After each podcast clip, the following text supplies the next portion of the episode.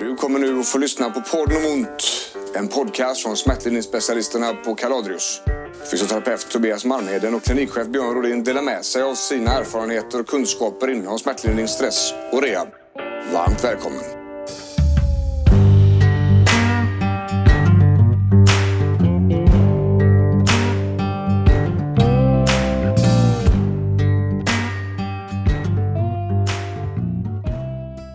Dagens avsnitt presenteras i samverkan med EDS riksförbund, en nationell patientorganisation för Ehlers-Danlos syndrom. www.eler-danlos.se Och visst, eh, nu är vi tillbaks. Nu kör vi ett nytt avsnitt. Podden om ont sa jag. Ja. Ja. Jajamän. Och idag är ju inte som alla andra dagar.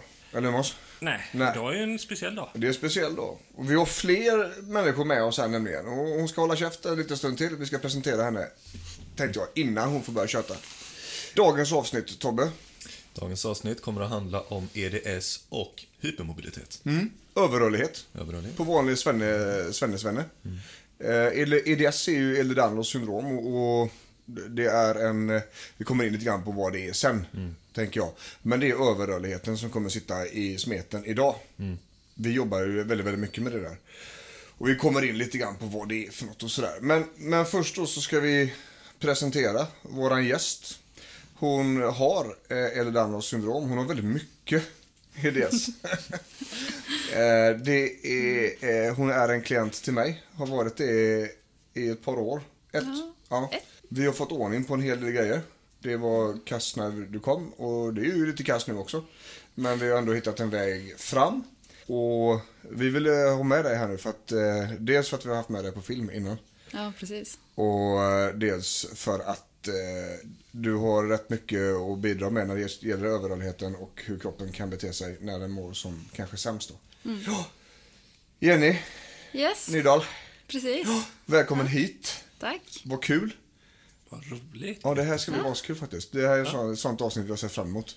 När vi planerade poddavsnitten här i början så, så tänkte vi det och då var det liksom, nu börjar vi med gäster va. Nu, nu får folk kanske lite trötta på att stå efter fyra avsnitt så det måste vara en ny fräsch röst. Lite mycket tjat. Ja, köta upp en gädda så till dig. Jenny, Ja. du är överrörlig så att du sjunger om det. Ja, precis. Ja. Ja. Vi har en film med dig på, på Facebook. Och på YouTube. Den ligger ju typ överallt nu. Ja, men precis. Höftfilmen där. Höftfilmer, ja. ja. Det är det här när, när dina höfter glider isär. Utan att du gör något. Du sitter i soffan och det bara blö. Precis, man slappnar av och det faller isär. Ja, Det... precis. Och det...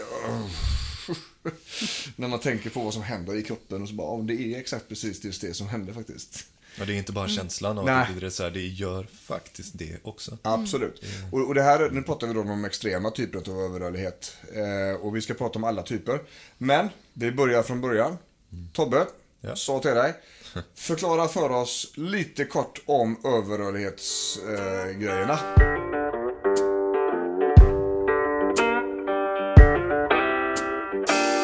Det finns olika typer av överrörlighet. Det finns överrörlighet som är medfödd och det finns överrörlighet som är förvärvad. Alltså att man har kanske stretchat sig till överrörlighet eller, eller sådär över en lång tid. Den överrörligheten som är um, medfödd, då är bindväven påverkad så att den är mjukare, mer elastisk än vad en normalstel människa är. Och är den eh, upptränad så att säga, eller utstretchad, då, är det, då har man stretchat den till att bli slappare, kan man säga. Eller mindre, mindre tight. Och det gör helt enkelt, bindväv finns i hela kroppen. Men just när det handlar om leder och den överrörligheten som, som vi brukar prata om så, så blir, kan lederna ofta röra sig i ett för stort rörelseomfång. Eh, och det kan leda till smärta och det kan leda till ökad risk för, för skador och, och, och tråkiga grejer. Och när, led, när lederna kan röra sig så här mycket, när bindväven inte håller ihop på, på samma sätt, så måste musklerna jobba stenhårt för att skapa samma typ av stabilitet som någon som är normalstel.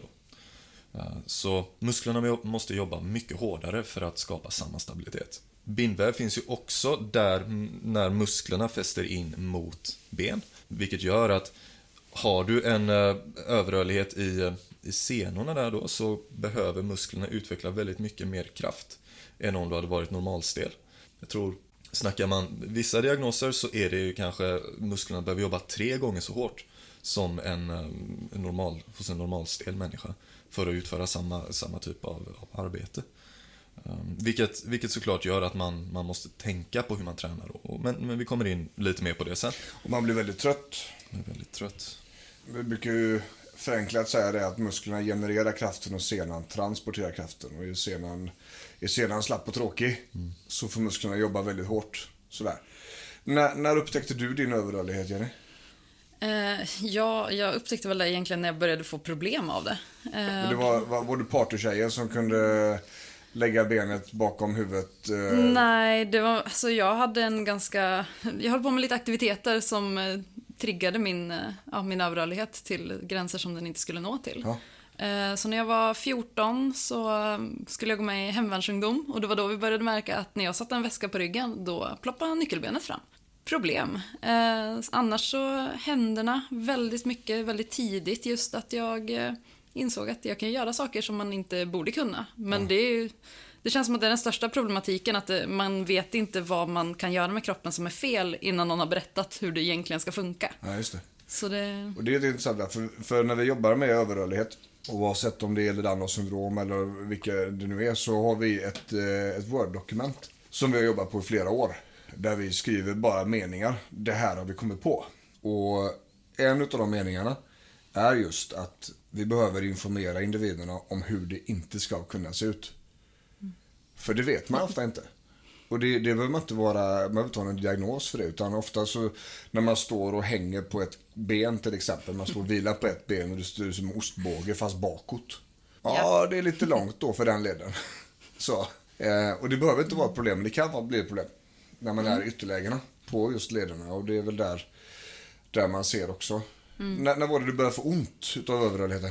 eh, då var jag nog 15. Ja. Ja, då började det bli riktigt problematiskt. Ja. Ehm, så det var i samma veva som det började. Alltså jag har ju alltid när jag var liten så jag stukade i fötterna hela tiden men det var ju någonting som man bara gjorde och sen insåg man att ja men nu funkar ju inte det här ledbandet längre. Nej. Det, det är slut. Ja. Ehm, så att eh, man, man märker saker hela tiden som man gör som man inte ska kunna göra men det är ju först när någon påpekar det. Ja, precis. Och det är någonting vi märker också när det gäller just överrörliga. Det här, det här med att man sitter i skeva positioner, man gör dumheter hela tiden av ren, alltså undermedvetna dumheter. Ja, man tar genvägar. Ja, Väldigt ofta genvägar. ja. Så Eh, och det där är väl kanske det svåraste som vi jobbar med då när vi ska få de här grejerna till att sluta. Först och främst så måste vi ju få individen till att fatta att ja, men, du ska inte kunna sitta så. Det är inte alls bra för din höft.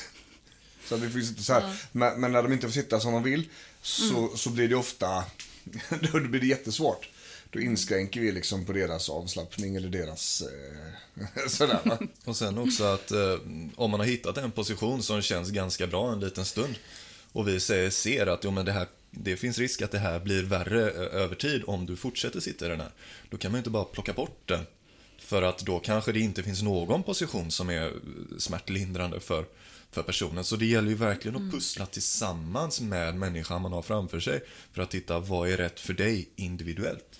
Du Jenny, du har säkert eh, inte, du har inte samma sorts problem som, som nästa person. nej, Och precis. hur, stor, hur stor är skillnaden mellan olika... Ja, men om du, du har ju träffat folk med, med samma typ av problem som du. Är det stor skillnad? Är det samma? Det är jättestor skillnad. Alltså sjukdomsbilden är ju väldigt individuell. Att, har, har man till exempel, det, man brukar ju säga att har du överanvänt någonting eller har du triggat någonting själv eh, så blir det ju värre. Så till exempel jag spelade handboll när jag var yngre. Hade jättemycket med liksom, fötter, jobbade med dem och sen så trampade mycket snett. Det har ju resulterat i att mina ledband där är ju i stort sett helt slut.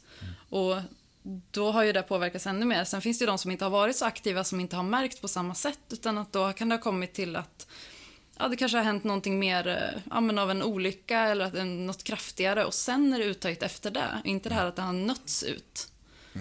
Men eh, ja, det, det är väldigt individuellt helt enkelt och hur snabbt det ja, hur, snabbt det, det processeras i kroppen. Eller jag vet inte vad man ska säga, hur snabbt det går framåt. Det, Eh, det ser vi också bland eh, klienterna som kommer till oss. Att vissa har jättestabila bäcken. De kan, de kan göra nästan vad som helst men axlarna är kass. Och vice versa. Och någon kanske bara har en, en, en, ett knä och en fot som är problematiska. Ja. Det, det, om jag ska säga det som jag tycker är absolut störigaste, det är ju att eh, det här är ju någonting som finns i hela kroppen.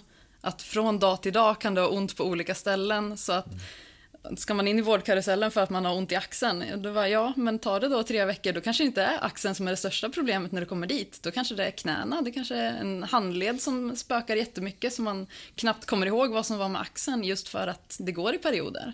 Och Men går Det i skov? Är det, alltså, kommer det tillbaks med jämna mellanrum? Eller? Ja, det gör det. Eh, och som tjej så märker jag det definitivt vilken tid det är på månaden. För att det är under mens och ägglossning, då är man död i stort sett. Det är någonting som händer med kroppen så att man bara faller isär mer än vanligt. Det är ytterligare en av grejerna vi har skrivit i det här dokumentet. Jättevanligt, men där har vi ingen vetenskap att luta oss tillbaka på. För det finns liksom inte kollat i stort sett vad vi har sett överhuvudtaget. Nej, de har Men- börjat se kopplingarna nu, att det finns någonting med hormoner Ja. och... Men det är så svårt att utreda eftersom det finns så många preventivmedel och de vet inte hur det påverkar. Nej. Men, men det är ju så, man får ju i stort sett ha en rehabilitering under ägglossning och en under menstruation. Så att det är halva månaden i princip är, är andra ramar för, ja, för det här. Och, och just när det gäller det här att det flyttar på sig. Nu har ju du en sjukdomsbild i, i Ehlers-Danlos syndrom som är den här överrörlighetstypen som du har då. Och när det gäller den uppdrivna, egen påhittade, inte, inte påhittade, men den egna överrörligheten som man stretchar sig till så kan det vara så att man har ett litet område i kroppen som är överrörligt. Eh, Det finns också tillstånd om man säger att man opererat sig i ryggen där musklerna inte fungerar riktigt okej på det området. Det tillåter för mycket rörelse. Och då har vi en, en, eh, en specifik överrörlighet på just ett sp- speciellt ställe. Så att det är lite olika. Vi, får, vi, vi måste hålla lite grann i de där trådarna var för sig. För det, när vi pratar om EDS och den här stora generella överrörligheten, alltså Hypermobility Spectrum Disorders, då är det inte alls så att det kommer in olika kroppar varenda gång. Det är samma människa, men det är olika besvär från måndag till nästa måndag. Och det måste få vara så. Eh, Och det är därför som, som eh, sjukvården har så otroligt svårt att, att hantera den här typen av patienter. Och, och vi är med i en, eh, en grupp, Ja, expertgrupp. Eller ja. expertgrupp som håller på att ta fram riktlinjer för vård för EDS och hypermobilitet i Sverige. Det finns ingenting idag att tala om. Det är I alla fall ingenting ifrån de högre instanserna som ska mata ner eh, vårdgivningsriktlinjerna. Nej, det, det, fanns, det fanns lite grejer från enskilda instanser som vi har eh, plockat upp och använt oss av väldigt mycket som har varit väldigt hjälpsamt i arbetet. Eh, Men eh, inget, inget stort samlat. Men det är på gång nu. Eh, och det är jätte, jättemycket på gång nu. Och det är, eh, de fick hjälp från ett oväntat håll. Det finns nämligen en eh, sjuksköterska i Umeå, är hon från va? Sari efternamn. Ja, tappat. Namn, efternamn. Eh, Wallin. Sari Wallin. Och hon är den personen som har strukturerat strokevården i Sverige. Eh, Riktlinjerna och alltihopa detta. Och den är alltså omnämnd som, om inte den bästa i världen, så topp tre, fyra i alla fall. Eh, och Sari håller på att hjälpa till genom initiativ eh, att driva det här framåt. Då. Absolut. Hur mycket forskning görs det? Inom EDS? Ja. Eh, Bra fråga. Ja, det, det, det kommer Men en finns del det något små... nationellt register? Nej. Eller finns det ingenting sånt? Nej, nej. Nej. Och det är där, det är där strokevården skiljer sig från. För strokevården, 92 eller 93 procent av alla stroke som kommer in i Sverige matas in i ett register. Och vården registreras i ett register. Vilket innebär att i Sverige så har man järnkoll. Kul. Man har stört bra kontroll på hur vården fungerar med stroke. Vilka som får bra resultat, vilka som får mindre bra resultat. Och så kan man då se, okej men de gjorde det här borta, det är framgångsrikt, vi fortsätter med det överallt. Så det är därför strokevården är bäst i världen i Sverige. Eh, och, och nu pågår det arbetet då att fortsätta och få EDS till att bli något liknande. Det är tidigt fortfarande. Det, det är tidigt och det finns ju konferenser. Alltså det var en konferens i Gent för ett eh, litet tag sedan som det var där man snackade om hur man, vad man hade och hur man skulle gå vidare och sådär. Ja. Eh, Så det händer ju saker Det gör det absolut. på många Och, olika ställen. och man tror ju att det finns, alltså, det finns ju teorier om att den, alltså när det är en generell överrörlighet i kroppen som inte är framstretchad som dansare eller kampsportare och sådär. Att det skulle vara arter utav EDS alltihopa. Ja, Eh, och ja. det, det är ju någonting man eh, inte vet idag, men det finns teorier om det. Men om, och som du sa förut där, vi får, vi får hålla isär. Nu, nu pratar vi väldigt mycket om just EDS. Då.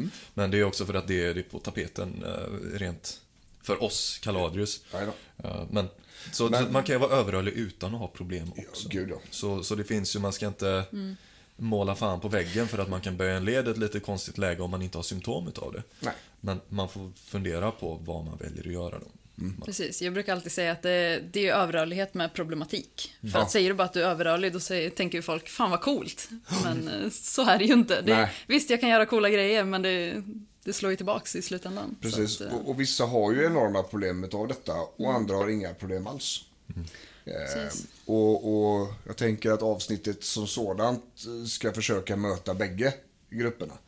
Dels de som har en överrörlighet som de inte har problem med, som vi då vill tala om för dem att ni måste vara lite försiktiga här. För det är inte alls säkert att det alltid kommer vara så här. Och de som har problem som lyssnar, där vet vi for a fact att det är väldigt svårt att få hjälp. ja. Det är väldigt mycket folk eh, från det här communityt som tittar på våra filmer. Vi har väldigt många klienter eh, året runt egentligen som har problem med överrörlighet. Med eller utan diagnos. Eh, och det innebär också att vi har fått en ganska stor erfarenhet utav detta. Och där kan man ju också säga att oavsett om du har EDS hypermobilitetstyp eller om du har hypermobilitet, överrörlighet, eh, symptomatisk. Det spelar in, jaga inte bara diagnos. För att det behandlas i träning på samma sätt. Du behöver träna och du behöver röra dig på samma sätt om du är hypermobil oavsett om du har EDS eller inte. Ja. Det är superviktigt, Det- speciellt för vården, att veta. Jag skulle säga att det, det skulle egentligen inte... Alltså, jag tror inte jag har någon fördel av att det står EDS i mina papper. Nej. Det är snarare en nackdel. Och Ja. speciellt så tycker jag lite synd om de som får diagnosen nu. Jag fick diagnosen 2011. Då var det fortfarande ganska... Men de hade inte så bra koll i vården och så vidare. Men de som får den nu, då kommer du till en läkare och säger att du har EDS. Då frågar de, när fick du diagnosen? För då vill de veta, har du fått den för ett tag sedan eller har du fått den nyligen? Och har du fått den nyligen, då finns risken att du hamnar i den här stämpeln att det är en modediagnos. För att de tycker att nej, men nu är det så många som pratar om det, folk googlar på det. Men det handlar egentligen bara om att det har blivit lättare att, ja, men att eh, identifiera och liksom, ja. vad som Ja, men gäller för sjukdomen. Precis. Och, och det, är ju, det är ju i... ehm, Alltså två tredjedelar är ju en, ehm, är ju en, en, en klinisk diagnos. Alltså man, man kollar eh, om men vilka symptom har du i princip och ställer lite frågor. Det är ju inte hypermobilitetsbiten när det kommer till EDS. Det handlar ju inte om att man ska ta ett genprov. Nej. Utan, utan det är ju, du utesluter en massa andra grejer, sen kollar du vissa, vissa symptom och då sätt- sätter du diagnosen. Eh, Och det där håller på att diskuteras och det kommer antagligen att vara annorlunda om, om några år igen. Men det är en härva att få diagnosen. Ja, och i slutändan så kanske det inte hjälper så mycket för att de flesta landstingen har ingen plan för att hantera det. Utan du får en stämpel och sen så hoppas du på att du har en jävligt bra läkare som är Ja, engagerad och som kan hjälpa till. Ja, För precis. I de flesta fallen får man rodda det mesta själv och knyta ihop det. Vara sin egen koordinator liksom. Precis. Men jag tänker så här. Om vi, nu har vi kollat överrörligheten och vi har, det är olika problem och man kan stretcha fram den kanske då genom olika idrottsevenemang. Eh, Vi har en sjukdomsbild, vi kommer in mer på den sen. Eh, Men jag tänker så här, om vi ska reda ut vad det är som överrörlighet kan skapa för typ av besvär. Så har vi ju smärtbilden. Och Tobbe, ska vi ta lite kort om smärtbilden Smärta. så, eh, ja. Take it away. Du vet väl om att du kan boka online-rådgivning på kaladrus.se? Smärta sitter ju inte ute i kroppen utan smärta sitt, skapas och sitter i huvudet. Om jag har en överrörlig led då, eller om jag har ont ute i kroppen så skapas det en varningssignal där ute som skickas till hjärnan som tolkar signalen utifrån eh, en massa olika delar av information. Erfarenheter, ehm, eh, hur stressade vi är, känslor och så vidare. Så smärta när det kommer till hypermobilitet flyttar ofta på sig. Det, det, är, det är sällan som man har ont på ett och samma ställe hela tiden. Ehm, man kan ha mer eller mindre ont, men det, det flyttar runt beroende på vad som har legat fel för tillfället. Eller vad man har gjort för tre dagar sedan. Och man kan väl säga att huggande, brännande, skärande, strålande smärtor inte är bra generellt sett. Är du, har du eh, hypermobilitet men inte super superhypermobil, är superhypermobil eller om du kanske inte har eh, tung EDS, men då vill du inte ha, absolut inte ha de här grejerna. Då är det någonting att kolla upp. Um, om du, eh, men om du däremot har den här du vet, sura, svidande smärtan, molande grejer, då är det oftare en överansträngning som du har. Muskler, leder, du har suttit rört det konstigt. Medan pirr och domningar ligger lite där mittemellan. Vår, det här är vår kliniska erfarenhet. Då. Att, för att om det pirrar och domnar det är i, hos någon som inte är överrörlig, eh, då finns det vissa saker som tyder på att okay, men det kan vara nerverna som är påverkade. Medan hos någon som är överrörlig, då kan det, kanske det oftare är refererad smärta från, från muskler istället. Så är du extremt överrörlig, då kan man ha väldigt ont utan att, vara, utan att det är någonting stort och farligt. Och då kan det också det kan misstas för att vara stort och farligt. Um, om man... Där, därmed är det inte sagt heller att man behöver springa till Nej, sjukvården. nej, och det är det jag kommer fram till här då att om du känner din kropp så behöver du inte, behöver du inte åka in för, för smärtor som du har haft hundra gånger tidigare. Nej. Det, det snackar vi om lite på i, i bilen hit Jenny. Ja, precis. Eh, Man måste, ju, man måste ju känna igen när det är någonting, dels om det är någonting som är nytt eller om man kanske har dragit det till en viss gräns. Men oftast så, det lönar sig inte att åka in akut. Nej. Det, det är så, så väldigt lite de kan göra åt det. Så att det handlar bara om att känna igen smärtan helt enkelt. Och, Men vad gör man alltså rent medicinskt mot det? Vad, vad kan de erbjuda? Smärtlindring. smärtlindring. Ja. Det- Medicin, Ja, helt enkelt. det, Är det klimat eh, styrt på något sätt? Alltså om det är varmare på sommaren, Oh, blir ja. det bättre då? ja, det blir bättre. Det blir mycket bättre för att man blir ju mjukare i kroppen, det är lättare att hantera. Sen kan man ju ha jobbet av när det är supervarmt som i somras. Så att Då kan det vara jobbigt av andra anledningar. Men just nu när det håller på att slå över till kallt ute, då är det ju fruktansvärt för då blir man ju stel. Men du har fortfar- jag har fortfarande att det, här, det kan ju hoppa ur led eller att det klonkar. Det är just att då har jag inte den här smidigheten men kroppen vill fortfarande bete sig som om Okej. lederna var uttöjda. Så att då kan det bli lite mer buller och bång. Och det här tycker jag är jävligt intressant alltså för nu blir vi ju paradoxala mot oss själva. Och det är det som är så intressant.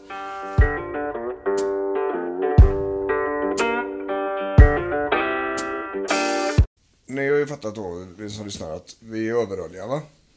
Då vill vi ju kanske ha minskad rörlighet eftersom överrörligheten var ett problem. Men när det blir kallt så blir Jenny stel och då är det ett problem. Det är olika typer. När kroppen inte själv får röra på sig på ett sätt som den är van vid så kan det här skapa ännu mer smärta. Så att man kan vara stel och överrörlig på samma gång. Jättevanligt.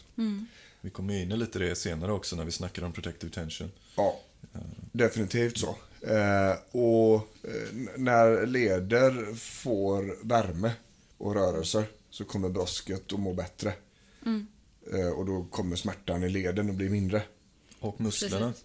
Alltså stelhet gör ju också att musklerna inte jobbar, eller kyla gör ju att musklerna inte jobbar riktigt lika bra som tidigare. Och om inte de gör det, då, då känns ju de stela och de kan inte stabilisera på samma sätt. Så det är många olika grejer. Så det är väldigt intressant. Just vädret och kyla. Ja, det kan ju också vara ett problem när det är varmt ute att kroppen blir så jäkla mjuk så att man hittar nya... Ja, men man, pu- Kroppen pushas i nya ytterlägen och den, den kommer inte gå tillbaka sen för nu har den lärt sig att nu kan jag gå hela den här vägen. Så att eh, då får man ju verkligen, ja, man får ta en tid och bara tänka på vart ska det ta stopp egentligen och bara fokusera på att kroppen får lära sig det nya rörelsemönstret. Vissa mår ju inte alls bra av värme och fukt heller. Nej. Så det är ju, det, det är ju lite individuellt, det där också. Så man kan ju säga kortfattat så när det gäller smärtan. Så när det är surt och svidande i musklerna, det inte är på leder som man kan ta på. Då är det ofta att muskeln är väldigt ansträngd, kanske till och med överansträngd, har varit det under en längre tid. Eh, när det hugger i leder och sen att det försvinner, då har leden antagligen flyttat på sig lite för mycket. Har man en stor generell överrörlighet och vet om detta så är det ingen panik. Eh, Man kan lära sig någonting av det och kanske undvika att göra så. För det är ju fortfarande så att smärta, vi ska ju inte ha smärta i kroppen. Vi vill ju undvika att ha den så långt det går. Så det ska ju inte göra ont för att det har konsekvenser för oss. Precis som vi snackade i första avsnittet om smärta och smärtlindring. När vi har haft ont väldigt länge så blir vi också överkänsliga mot smärta. Så att mindre saker gör mer ont. Alltså, så, om man säger va. Så att eh, när eh, man får ha lite, lite koll där, lite och det är också det som är svårt just med kroppsuppfattningen, kroppskännedomen. För det är ett, ett grundläggande problem när det gäller överrörlighet, att man känner inte sin kropp på det sättet. Kroppsuppfattningen är nedsatt. Eftersom musklerna får jobba så hårt för att göra det bindväven och senare inte klarar av, så har man inte samma typ av uppfattning om musklerna.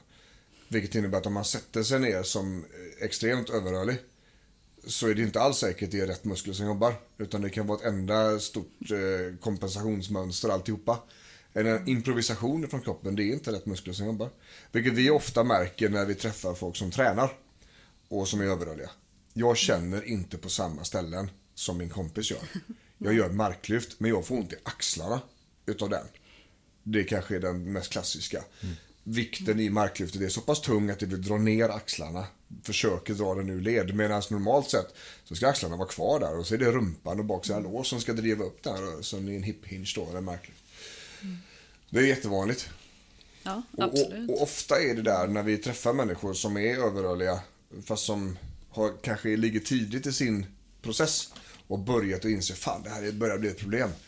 Och då frågar vi alltid det på konsultationen där att ja men eh, när du har idrottat och så under ditt liv, har du liksom kunnat göra som instruktören säger? Nej. Nej. Och det är samma med övningar. Jag vet hur jag ska göra, jag vet hur det ska se ut, men det kommer ut fel. Typ som kroppslig afasi liksom. Man vet hur det ska se ut fast det kommer bara... Det händer liksom ingenting. Nej, men man har jättesvårt att få hjärnan att, eh, ja, men att koppla signalerna. Ja. Att, eh, Och, och det är jävligt intressant. Vi kommer in på det när det gäller behandlingen sen utav de här grejerna. Eh, Just den biologiska delen, att det är där nyckeln ligger. Och hitta musklerna, hitta först rätt koppling och sedan försöka få med sig den i ett sammanhang så att säga. Ehm, Men, men eh, det, det är grymt intressant det här med kroppsuppfattningen och spänningarna. Att vi kan vara stela fastän vi är överrörliga. Och det har vi ju. När- När man har smärta så är det ju avslappning som gäller. Det är ju en av faktorerna för att kunna få en smärtlindring. Det har vi, tog vi också första avsnittet. Det är likadant här faktiskt med folk som är överrörliga. Men inte för mycket. Så vi får inte ligga för länge i avslappningen. Så om vi lyckas att få ner, typ Måns om vi kör en reset på dig och så gjorde vi den här kroppsskanningen, du vet, och du får känna igenom. En, en som är som Jenny, hon får inte ligga kvar där. Jag tänker att då borde ju musklerna slappna av så mycket att lederna faller ut. Liksom. Eh, ja, det är precis vad som händer. Eh, så det gör vi inte. Så att någon som har en överrörlighet, till exempel som Jenny, där får vi ner systemet. Vi får det att slappna av, sen väcker vi. Så hon får inte ligga kvar överhuvudtaget. Eh, och det är en lösning. En annan lösning som vi kommer in på sen också, det är olika strategier för att ta hand om olika problemområden. För vissa gånger så, så är det en muskel som gör alldeles för mycket jobb medan det är en som gör alldeles för lite jobb. Då måste vi spänna upp den som gör alldeles för lite jobb för att den ska faktiskt driva leden rätt. Så då har vi strategier där, så nu kommer vi in på det också. Men jag tänker så här någonstans i grund och botten att vi glider in på det här med spänningar igen. Med avslappning och där. Det kan vara lämpligt om vi tar lite grann om protective tension. Tobbe, ska vi, ska vi göra det? Det kan vi göra, absolut.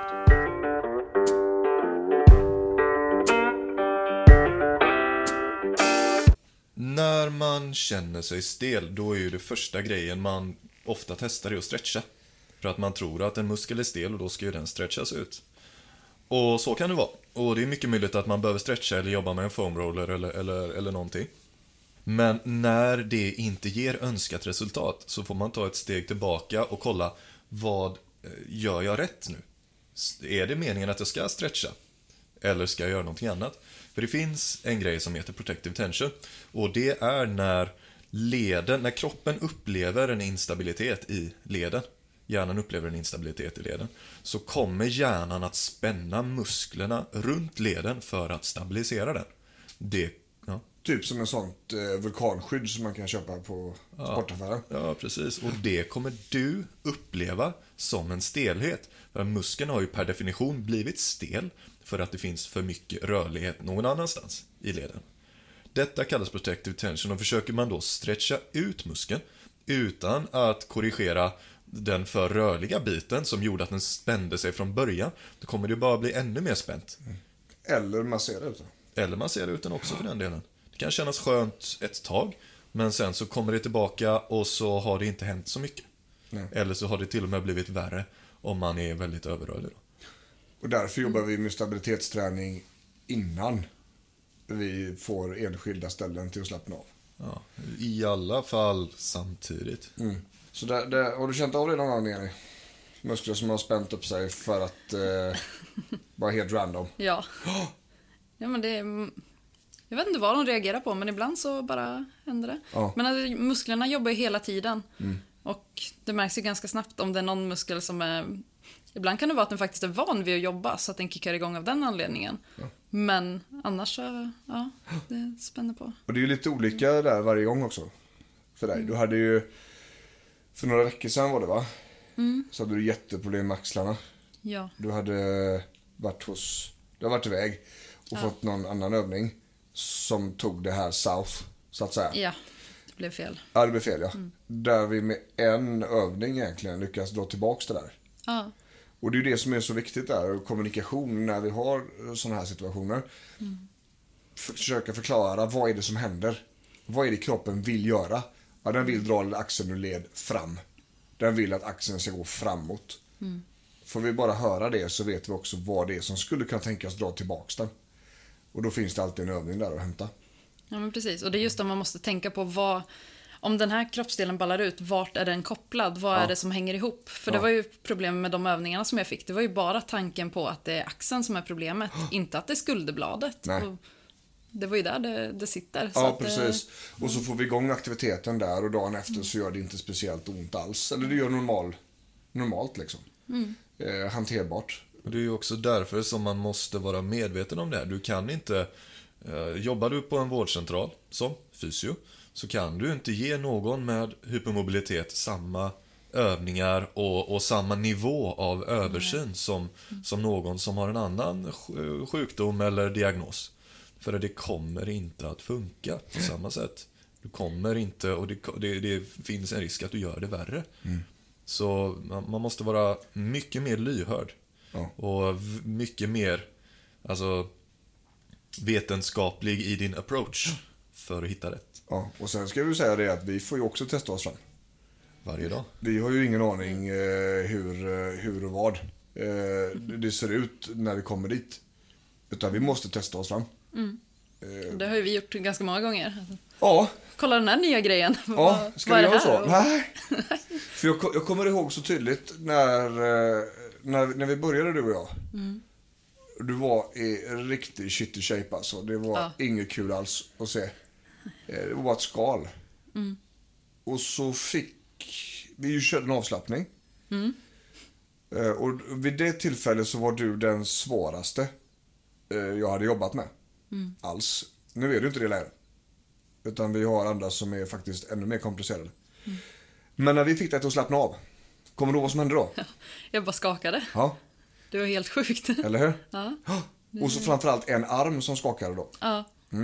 Tremor. Kommer du ihåg Tobbe när vi Ja, fick ja, kolla här? Ja, Tobbe! Ja. Vad är det här? Ja. Ja, ja. Ja, det, det ska liksom inte börja random skaka i en kropp. Nej. Eh, men då fick vi ganska snabbt rätt ut att det är någonting som kallas för tremor. Ja, trevligt. Vilket kan in, infalla då när man faktiskt slappnar av ifrån en spänd. Vad är det som händer där? Eh, kroppen fattar inte riktigt eh, hur den ska, i det fallet, fattar inte kroppen eh, hur den ska spänna för att hålla, hålla det stabilt. Normalt liksom. Ja, Det, det, det är samma sak som när du gör en ny övning på gymmet som inte är jobbig men som är ny. Allting skakar för du är inte van vid, vid den typen av belastning på det sättet. Eh, och, och det var där någonstans vi insåg att shit, det här kommer funka. Vi fick det till att slappna av. Eh, och höfterna har ju alltid varit centrala för dig. För de, det är de, i alla fall så länge vi har känt varandra. Ja. Nu när vi fick ordning på höfterna, eh, vilket är en stor del av den filmen som vi har uppe på nätet. Eh, där vi förklarar vad det var vi gjorde för något. Eh, det fixar ju till höften i mångt och mycket. Den kommer och går ändå. Ja. Och- Men så kommer det alltid vara. Men just den, de här grejerna bli- gjorde det ganska bra. Men nu är det axlarna då. Ja, men precis. Ja. Och det är helt okej. jobbat. Det måste få vara så. Och, och jag tänker att någonstans, vi, vi ska glida in lite grann nu på, om vi, om vi ser ur rehabiliteringsperspektivet, utav överrörlighet, stor generell överrörlighet. Och nu kommer vi då alltså släppa de här specifika uppdrivna eh, stretchöverrörligheten som man kanske fått om man som typ taekwondo-utövare och stretchat split och spagat eller dansare som ska vara överrörliga och så vidare. Nu får vi släppa dem. Nu kommer vi då gå in på rehabiliteringsdelen i de grövre överrörlighetsdelarna. Man kan ju känna igen sig, kanske. Absolut. Men vi börjar från början och vi jobbar ju alltid med den biopsykosociala modellen. Vi har tre cirklar, den biologiska, den psykologiska och den sociala. Och vi har gjort lite goda grejer här så vi ska försöka få ihop det hur vi ser de viktigaste delarna i en rehabilitering utav just problem som kommer ifrån överrörlighet. Oh. Öh. Vi börjar med den biologiska cirkeln då va? Eh, Då har vi ju träningen. Vi har avslappningen och så vidare. Då har vi, vi med oss fyra punkter i det här avsnittet. Det finns väldigt många fler, men vi var tvungna att dra gränsen någonstans. Annars hade vi kunnat ta ett helt avsnitt om bara detta.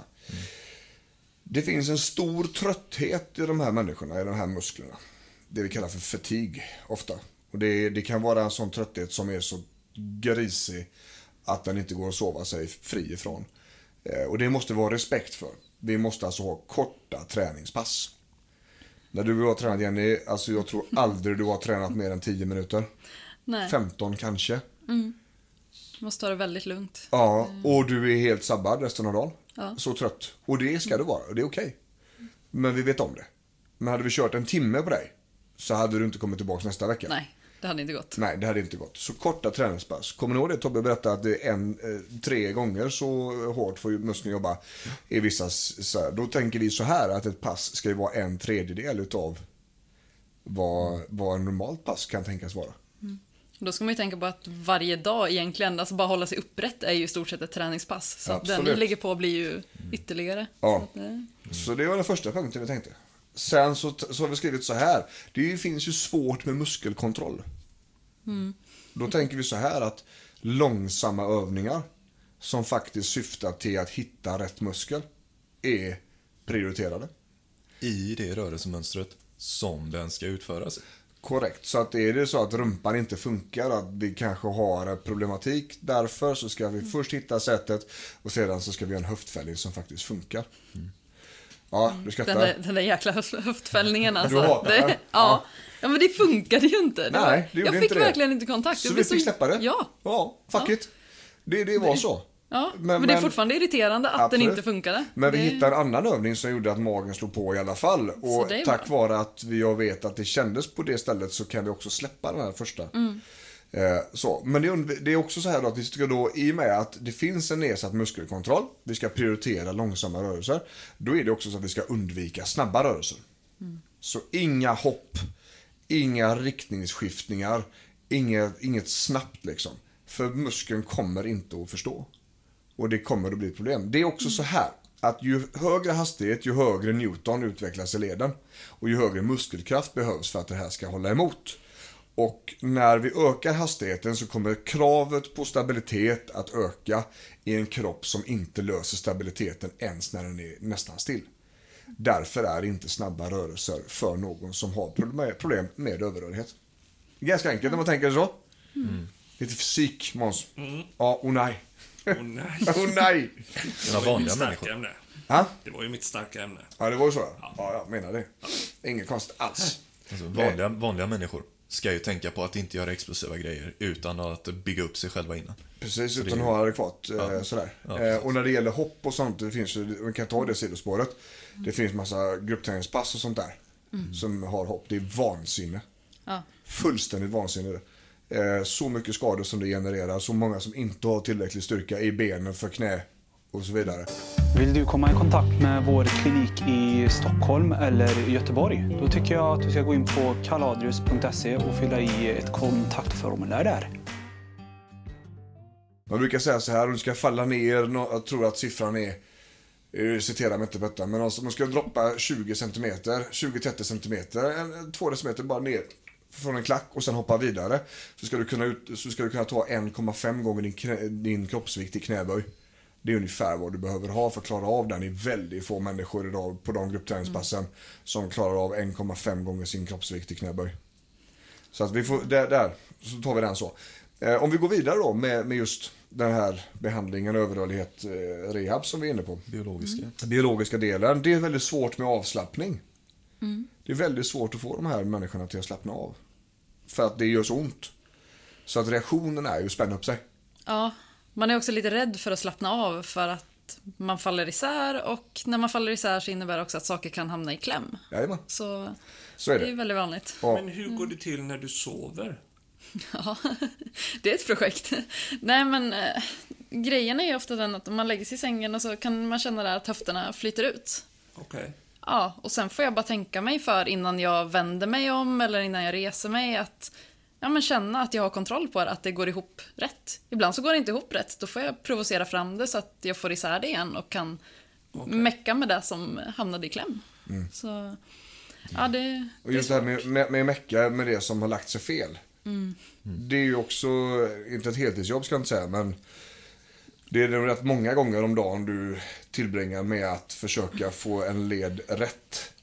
Knixa och trixa. Ja. Eh, Du har ju ditt nyckelben som faktiskt hoppar och led random. Ja. Eh, partytrick. Du berättade eh, innan du, när du satt på ett möte med chefen förut. Ja, Ja. ja. jag fick hicka. Och så, Hicka? Ja, hicka bara. Och så var jag inte beredd på det. För vanligtvis så brukar man ju kunna vara lite spänd eller så här, för man känner... Alltså hicka för en EDS-are, det, är- det är kört. Då, då vet man inte vad som kommer gå fel. Men då var det ju så att jag var inte beredd på det. Så att mitt nyckelben hoppade till och min chef satt precis bredvid. Och det var lite kallt i det där rummet också, så det vart ett rejält klonk. Och tittade ganska förskräckt på mig. Men det var till och med så jag blev förvånad. Jag är ganska van för att det händer ganska ofta. För att i stort sett så fort jag släpper ner axeln så rör sig Jo, nyckelbenet. nasty. Det är, ja, den är lite... lite sådär. Ja, Så hicka, dislokera nyckelben, Ja. det är rimligt. ja det är rimligt. Ja, men det, det är ju hicka, det är ju som att kroppen går in i något slags katastrofläge varje gång för man tänker, var kommer det här att slå? Det, är- Nysningar då?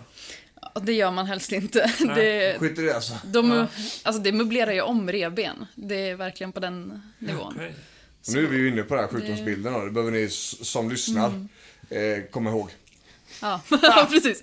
Alla har inte den här riktiga Nej, dryga grejen. nej så är det ju. Men, men om vi ska gå vidare då på strategier som du skrivit. Ja. Strategier för bråkiga leder. Jenny har ju övningar för axlarna. Eh, Du har också övningar för höfterna. Yes. Som du gör när du känner att det bråkar. Och det är så vi får göra, helt enkelt. Vi får skapa strategier som får rätt muskler till att jobba och som kanske får eh, rätt muskler till att slappna av. Det, det är det vi har hittat som är effektivt och i verktygsform. För någon som har de här stora problemen med överrörligheten. Och att hitta de här verktygen tar tid. Det tar tid och arbete och det är det är inte som att vi har ett, ett, ett facit när folk kommer. Utan det är ju, okej nu har vi en ny person här, nu ska vi se vad de kan göra. Och i och med att smärtan blir så stor så snabbt så kan man bara testa pyttelite varje gång. Så måste man utvärdera det och så är det liksom fram och tillbaka, det är detektivarbete över veckor och ibland månader för att hitta rätt övningar för varje person.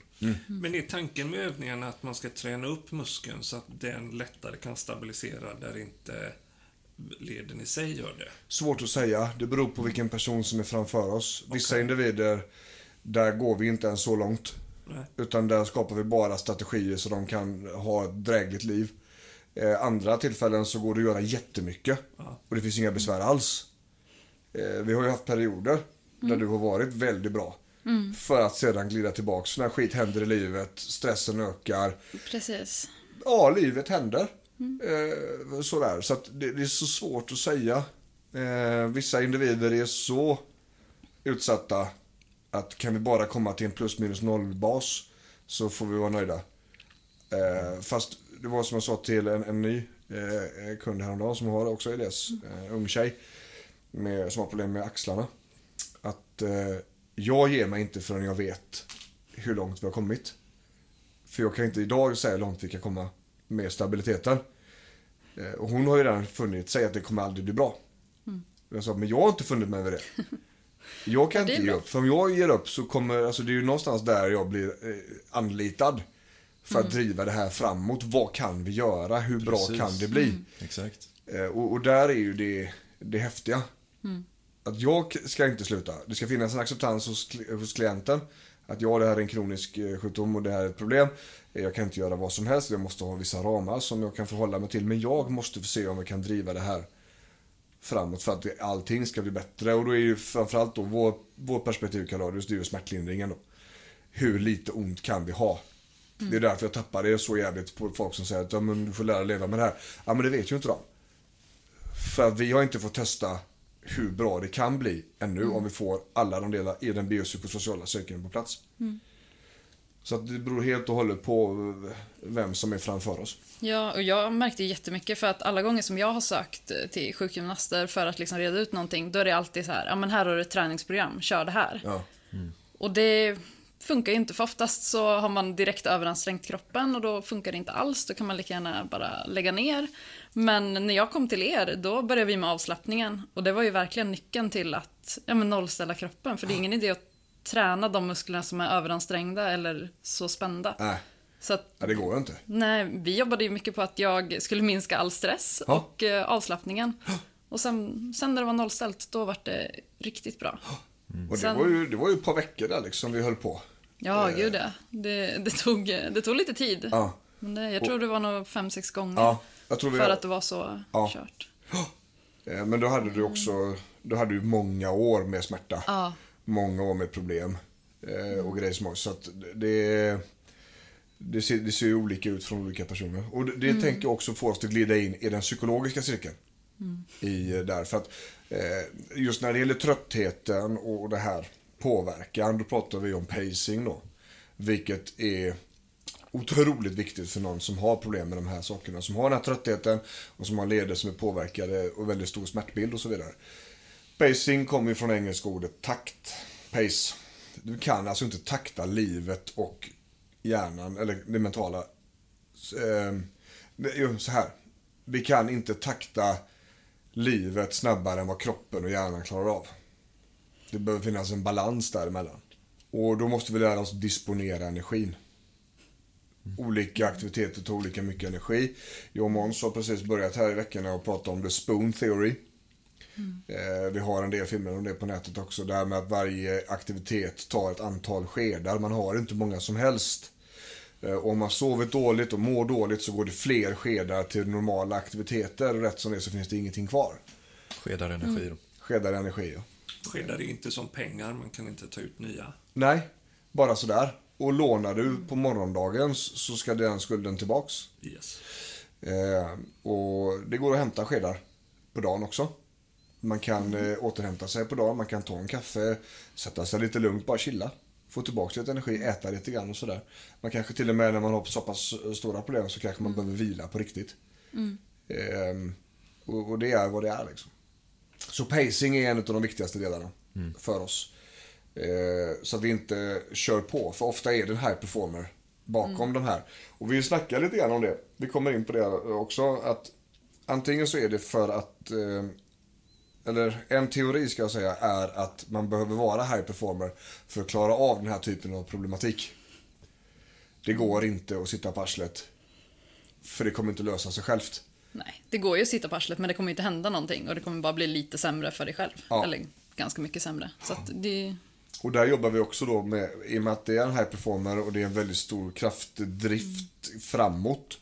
Eh, så skapar det ju en stress i själen som också skapar katastroftankar. Då är vi inne på stressavsnittet här, gång nummer två. Körde vi den. Eh, poddavsnittet. Och där måste vi skapa en, en handbroms. Vi måste skapa en balans mellan varandet och görandet. Vi kan inte bara göra skit hela tiden, utan vi måste kunna vara också. Men då är det också så här att ibland så har man så pass ont att man vill inte vara. Man vill inte vara där och känna det, eller hur? Nej. Eh, och det är också okej. Det är också okej. Men, men för processen för rehaben och för smärtlindringens sätt så, så måste vi kunna bestämma när som är vad. Och det är samma som du säger Måns. Jag kan inte sänka tempot den här perioden. Nej, det går inte. Nej. För att du behöver ha, du kan inte... Fan vad du sa, jag kan inte börja om. Nej, jag måste landa springande varje gång. Ja. Som jag, eller gå upp ur sängen springande och, Ja. och vara full fart, för annars orkar jag inte. Nej. Och det är också det, det, det är en eh, grej vi måste ha respekt för. Det, det, det funkar så också.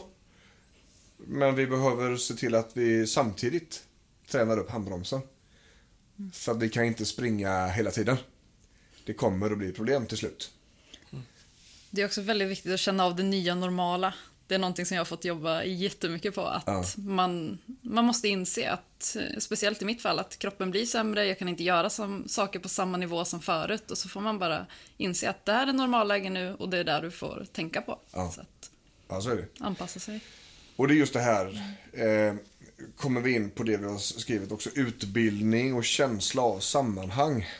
Kunskap i grund och botten. Kunskap om vad det är för något, hur det påverkar mig, hur jag kan göra för att förbättra det, vad jag gör för att försämra det. Eh, men också att man äger sin egen situation, att man är en del i processen. Det är också någonting som tyvärr då eh, eh, säga primärvården inte har en möjlighet till att göra idag. Det finns inga resurser för det. Inte ens de här multimodala teamen och rehab och smärtlindringsklinikerna och sådär. Det, det, där funkar det riktigt så här. Va? Utan vi behöver snabbt utbilda eh, individerna om vad det är som händer. Varför det känns som det gör, varför vissa dagar är bra, andra är dåliga. Så att man får kontroll över situationen. Sen så måste vi se till att man äger den själv. Att man själv kan ta beslut om varför det blir som det blir. Och varför, när jag bestämmer mig, nu måste jag gasa. Ja, kanon, men du har två dagar här när jag måste vila. Då får det vara så. Det är okej.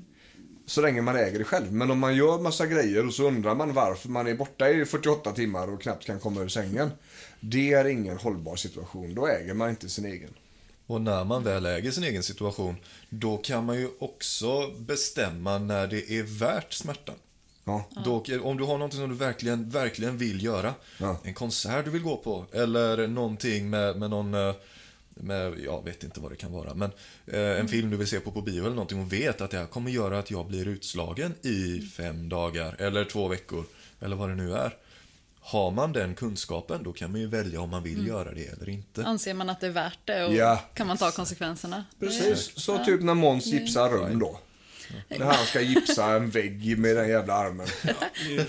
Då, då Ja. var det ju värt det, eller hur? Ja, det- Ja, ja, ja.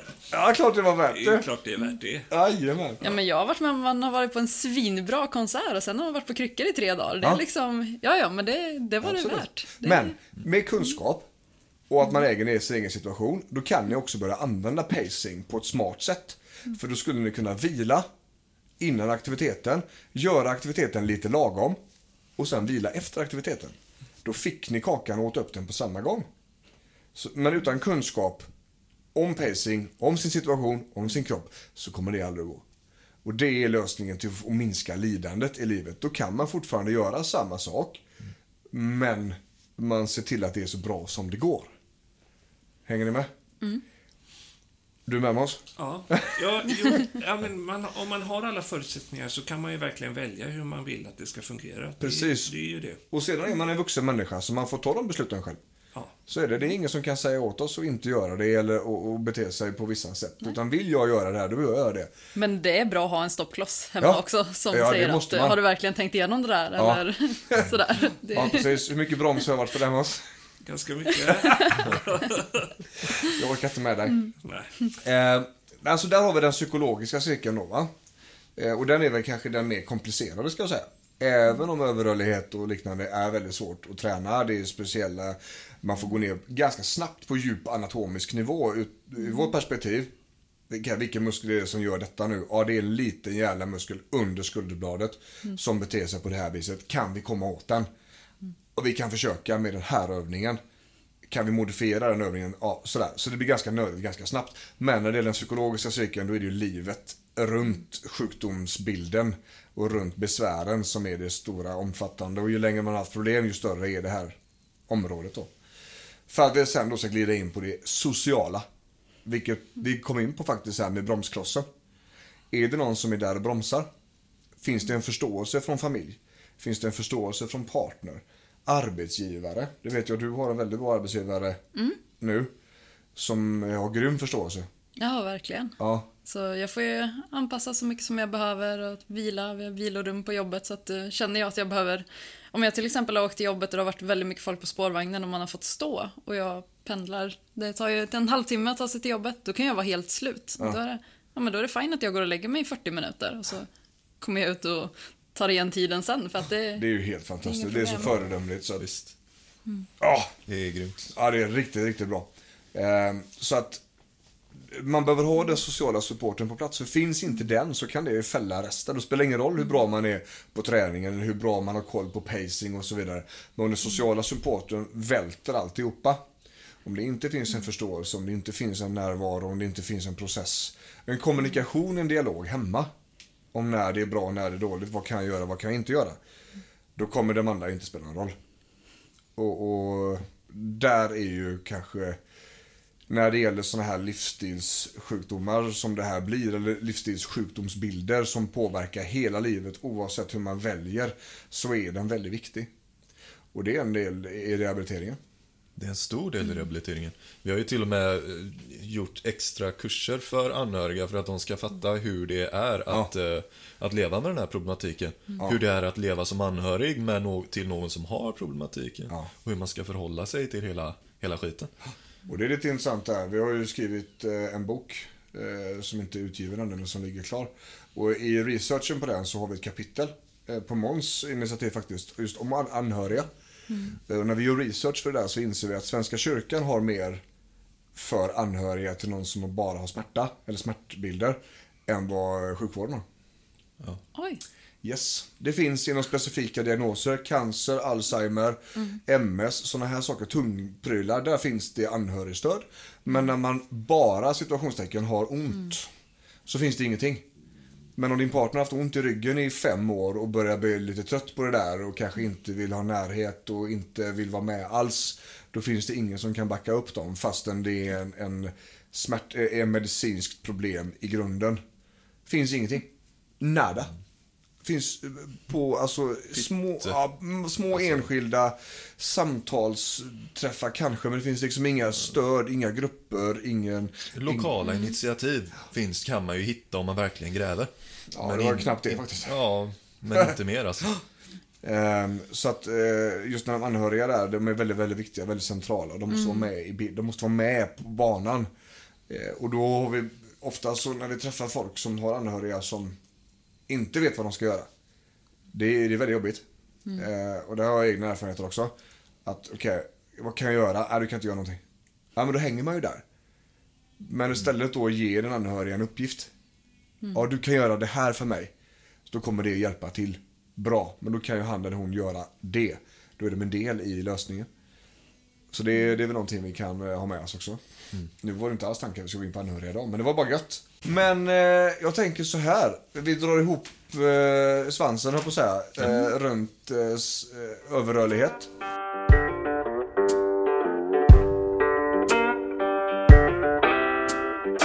Vi har pratat om att det finns olika typer. Vi kan driva upp den själva genom stretch och så vidare. Men vi kan också ha den medfödda.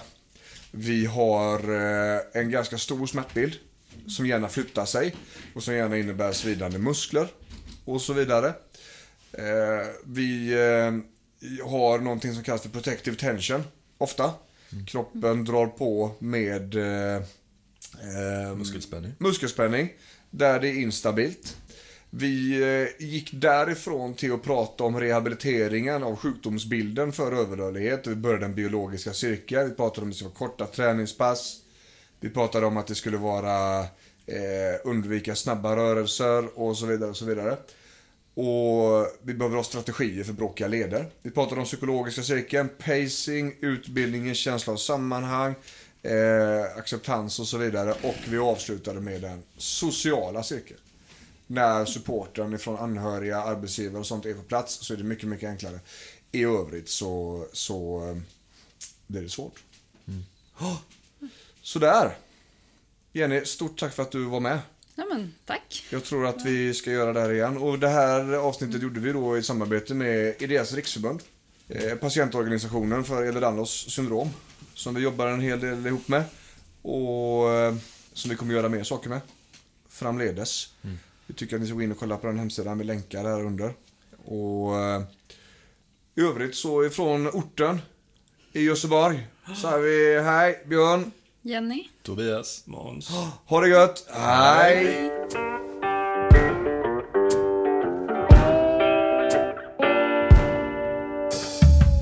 Du har lyssnat på podden om ont. En podcast om smärtlindring, smärta och stress från Kaladrius med Björn Rodin och Tobias Malmheden. Podcasten produceras av Måns Asplund och ansvarig utgivare är Björn Rodin.